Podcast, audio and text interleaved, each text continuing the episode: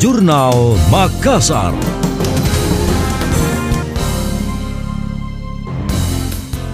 Upaya pemerintah Kota Makassar untuk menekan angka laju penularan kasus COVID-19 telah menunjukkan hasil.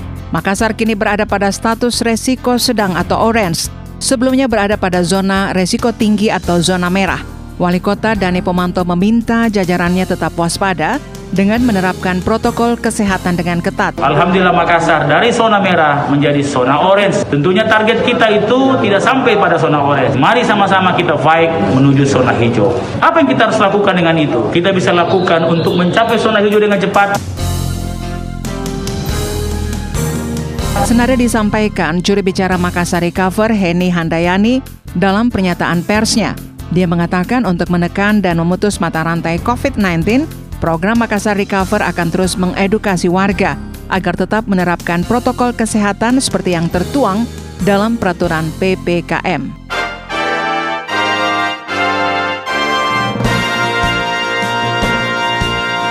Demikian tadi, Jurnal Makassar.